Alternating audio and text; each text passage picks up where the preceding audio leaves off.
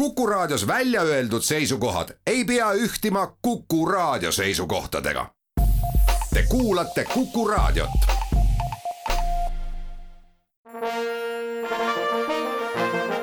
Vanemuise veerand. tere kõigile kuulajatele, ilusat Eesti Vabariigi sünnipäeva. täna on Vanemuise veerandis külas Vanemuise ooperisolist Karmen Puis, tere Karmen! tere, Tiiu! Saatejuht on Tiiu Rööp, tervitab omalt poolt kõiki kuulajaid. ajakirja Teater, muusika, kino jaanuari numbris kirjutab Timo Lipponen lauljate ilutulestikust Mozarti ooperist Don Giovanni. ta peab silmas sügishooajal novembris Vanemuises esietendunud lavastust. Timo Lipponen kirjutab järgmist, tsiteerin teda. väga rõõmustab Carmen Puistonna Elvirana nii vokaalselt kui rollikujunduselt ning veel ütleb ta, mis puudutab häält, siis on Puis oma elu tippvormis. kuidas sa ise tunnetad, oled sa oma elu tippvormis? ma ei oska sellele küsimusele vastata, kui ma sulle päris ausalt ütlen, et ähm, see laulja elu või töö on kuidagi selline järjepidev protsess kogu aeg, et ma, ma ei tea, et kuna ma ise leian ennast kuulates mõnede salvestuste pealt alati midagi, mille kallal norida, siis ma ma, ma jah, et ma ise nagu seda ei hindaks selles mõttes, et kas tippvorm on nüüd praegu sellel hetkel või see oli kunagi mingisugusel teisel ajal, et aga aga loomulikult teeb väga suurt rõõmu, kui keegi nõnda arvab mis sulle endale paremini sobib, sa laulad ka kontsertidel, sa annad ka soolokontserte, mitte küll väga sageli, aga siiski, ja sa osaled lavastustes. kus sa ennast paremini tunned, kontserdil või lavastuses hmm,? jällegi keeruline küsimus, sest et äh, mõlemal asjal on nagu omad plussid ja omad miinused, võib-olla ma turvalisemalt tunnen ennast äh, teatrilaval, sest et äh, seal on hästi palju selliseid, kuidas ma ütlen, abivahendeid või toetavaid elemente, mis ei jäta sind nii üksi, kui seda on soolokontsert. aga samas soolokontserdi võlud on jällegi selles, et ma saan valida täpselt need inimesed, kellega ma koos seda muusikat tahan teha, missugust muusikat ma tahan teha, et et, et see on nagu hästi põnev ja ma arvan, et need mõlemad, nii siis kontserdivorm kui ka teatrivorm täiendavad mingisuguses mõttes mind kui artisti väga palju, sest ma arvan, et see, et ma olen teinud päris palju kammermuusikat, on mind väga palju arendanud ooperilauljana või, või, või või sundinud mind rohkem pöörama tähelepanu näiteks tekstile, sõnale, sellele, mil moel mingisugust mõtet edastada. ja samas kindlasti ma kujutan ette, et see väike teatraalsus või, või, või see niisugune eneseväljendamine, mis on teatrilaval hästi oluline, et see tuleb samas ka kasuks kontserdilaval, nii et ma arvan, et see on selline tore sümbioos. Timo Lipponen kiitis sind vaadates Don Juanit, kuulajatele peab ütlema, et sellel hooajal on vist ilmvõimatu näha Vanemuises Don Juanit, kõik piletid on välja müüdud, aga siis uuel hooajal. sel hooajal näeb sind lavastuses Jevgeni Onegin Jevgeni Onegin on üks eriline lavastus, ta on Vanemuise repertuaaris olnud alates kahe tuhande kolmeteistkümnendast aastast. ma arvan, et on vist nii, jah. ja tegemist on ka selles mõttes erilise lavastusega, et see on Konstantin Stanislavski tuhande üheksasaja kahekümne teise aasta lavastuse redaktsioon, nii et me saame tähistada omamoodi väga erilist juubelit, sada aastat. täpselt nii. selle lavastuse lavastaja, kunstnik ja kostüümikunstnik olid ooperiteatrist Helikon, Helikon Moskvast mm -hmm. ja see lavastus pälvis ka Eesti Teatriliidu muusikalavastuste auhinna kaks tuhat neliteist. Tunnustati Vanemuise teatri lavastusmeeskonda, orkestrit ja truppi väga nauditava tulemuse eest. nüüd kevadhooajal peaks olema kaks Jevgeni Onegini etendust. milline on sinu eelhäälestus või ootus nende etenduste ees hmm.? ma pean tunnistama, et äh, Tatjana vist on üks mu kõige suuremaid lemmikrolle üldse. esiteks mulle meeldib väga see muusika, selle loo dramaturgia on ülihea, sest et sellega on väga kerge suhestuda, ma arvan, nii neil, kes on laval, kui ka neil, kes on saalis ja vaatavad seda lugu ja kuulavad. pluss seesama lavastus, millest just juttu oli, mis on Stanislavski materjalide põhjal tehtud ja millele Dmitri Bertmann on lisanud väga toredaid selliseid temale omaseid väikseid vimkasid või vinjette, et seda on ka väga-väga tore mängida igal juhul, nii et äh, ma ootan seda väga-väga, sest äh, si-, siin on ka veel äh, niisugune asi, mida oodata, et meil on ka tükil nüüd sellel hooajal uus dirigent, kellega mina ei ole veel koostööd teinud, Vello Pähn. põnevust jagub ja on ka uus Lenski, keda pole vist Vanemuisjärve laval selles rollis nähtud, on äh, Raimond Spramanis Lätist, nii et äh, ikka huvitav. see ei ole sinu laulja repertuaaris, laulja elus ainukene Onegin? ei ole, ei ole, ei ole.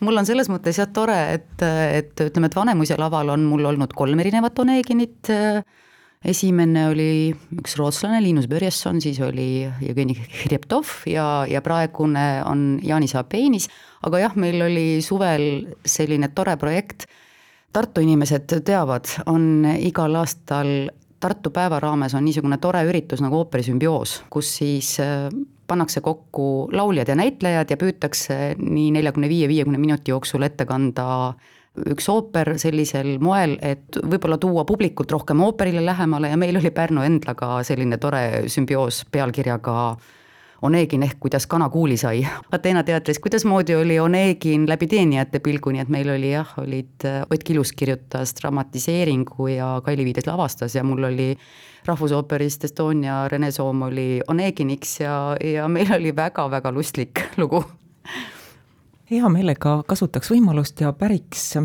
Tristani ja Isolde kohta. me loodame kõik selle esietendumist äh, nüüd kevadhooajal. kui palju sa oled lavastaja Liis Kollega varem kokku puutunud, on sul olnud temaga tööalast kokkupuudet? jah, ma olen temaga enne teinud äh, ühe lavastuse koos, see oli Vanemuise teatris äh, Rossini Sevilla habemaja ja ma aastaarvu nüüd peast ei oska küll öelda, see oli äkki mingi kaks tuhat neli-viis, kuskil sealkandis ja nüüd siis teist korda meil on aeg teha jutuajamisse väikene paus. Vanemuise veerand.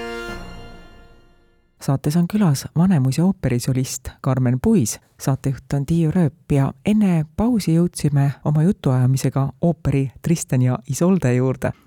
Tristan ja Isolde kestab umbes viis tundi sügisel, kui Vanemuise muusikajuht ja peadirigent Risto Joost oli saates külas, siis ta tegi nalja ja ütles, et kõik need inimesed, kes tulevad teatrisse Tristanit ja Isoldet vaatama, et nad võiksid mõelda piknikukorvi kaasavõtmise peale.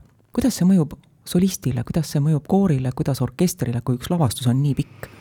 vot ma ei saa teiste eest rääkida väga, ma saan iseenda eest rääkida.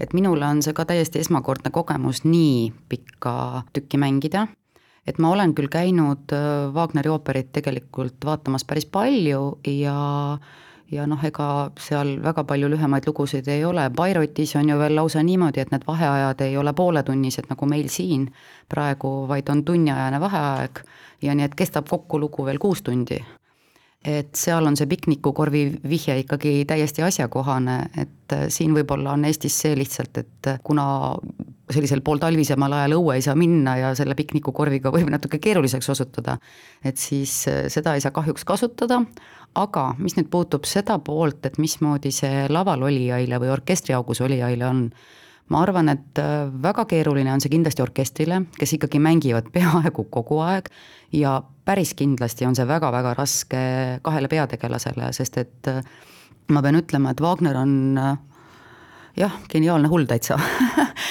et, et ta on kirjutanud loo, milles Brangene roll, mida siis mina laulan, on nii-öelda suuruselt vist kolmas roll, ütleme, kahe peategelase kõrval. Ja selle rolli maht on noh, enam-vähem sinna, enam-vähem sellisesse kanti, mis on ühe normaalse ooperi pearoll siis on seal veel sellist äh, natukene keskmisemat rolli veel kaks tükki ja ülejäänutel on hästi vähe öelda, ka kooril on tegelikult vähe laulda ja on seal terve rida tegelasi, kellel on ka võib-olla neli takti kuni kümme takti või, või noh, veel rohkem, äh, no natuke rohkem. ja siis on need kaks peaosalist, kes tulevad ja muudkui ainult laulavad. Et vot see maht on ikkagi nagu täiesti pöörane, lihtsalt esiteks, et see omandada nii muusikaliselt kui tekstiliselt pluss see, et Wagneri puhul me ei saa ka rääkida sellest, et, nii nagu ütleme, selles mõttes klassikalises ooperis, et aaria puhul on üks no on kaks lauset ja siis seda lauldakse viis minutit, vaid seal tõesti see nii tekstiline asi läheb kogu aeg järjest edasi ja ka muusikaline, et see on, on keeruline, et see on see on ainult tugevatele ja julgetele. et, et ma täiesti siiralt imetlen neid selle vastupidavuse eest, näiteks ma mõtlen Giisoldet, et tal on terve, praktiliselt suur terve esimene vaatus laulda, poolteist vaatust, siis tal on väga-väga pikk paus, sest et kolmanda vaatuse algus on, on äh, nii-öelda Tristani osa ja siis ta on no ütleme, et seal garderoobis või kus iganes, eks ole, kus ta oma mõtteid koondab või kus ta puhkab, tal on peaaegu poolteist kuni kaks tundi, noh, sõltuvalt siis vaheaja pikkusest aega, ja siis ta tuleb ja laulab veel lõpetuseks väga-väga-väga raske aaria.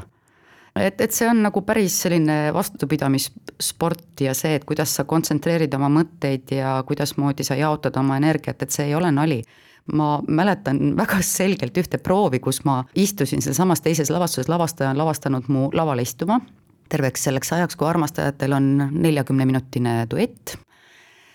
et ma siis istun ja valvan seal ja ma nägin kella aksi vahelt ja siis ma ühel hetkel vaatasin ahah, praegu on nüüd juba siis see hetk, kus Linda di Chamonix oleks juba läbi ooperina, aga meil on alles ooperi teine vaatus kuskil seal natuke üle poole läinud.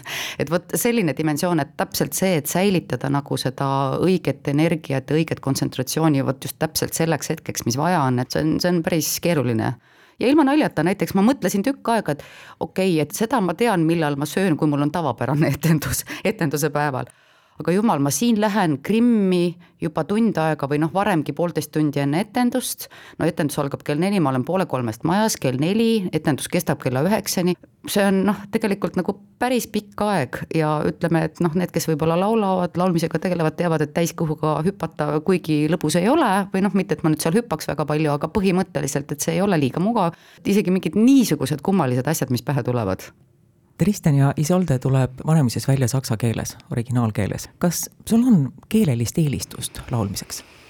emakeeles on ikka tore laulda jääb võib-olla kõige kergemini meelde ja on kõige selles mõttes lihtsamini arusaadav. aga ma pean tunnistama, et äh, mulle väga meeldib laulda prantsuse keeles, mulle meeldib väga laulda vene keeles ja mulle meeldib laulda itaalia keeles. Saksa keel, tõsi ta on, ei kuulu võib-olla mu kõige esimeste eelistuste hulka ja, ja ka see roll konkreetselt on mul esimene saksakeelne roll, nii et minul oli pusimist palju, ilma naljata, et see oli ikkagi keeruline, keeruline, ma ei oleks arvanud, et, et see ennast nii raskelt kätte annab. sa oled tööga küllalt hõivatud, lisaks Vanemuise tööle on sul teisi ettevõtmisi ka. kas sul on aega ka sellisteks tegevusteks, mida nimetatakse hobideks? lihtsalt teha midagi enda rõõmuks sellel hooajal ei ole väga aga ei, mul ikka mingisuguseid väikseid hobisid on, et mulle meeldib hästi käsitöö näiteks, et ma olen äh, suur heegeldaja, kes teavad, ja ma olen vahetevahel teinud ikkagi selliseid, äh, olen ehteid teinud, nii et mulle selliseid pisikesi asju meeldib teha ja, ja mulle meeldib suviti natukene aias näppe mulda toppida ja noh, sellist asja. Ja mulle meeldib lugeda väga palju. ma ei ütle küll, et ma loen kõike kõige mulle meeldib lihtsalt lugeda, ütleme siis niimoodi. mis raamat sul praegu pooleli on või ootab järjekorras?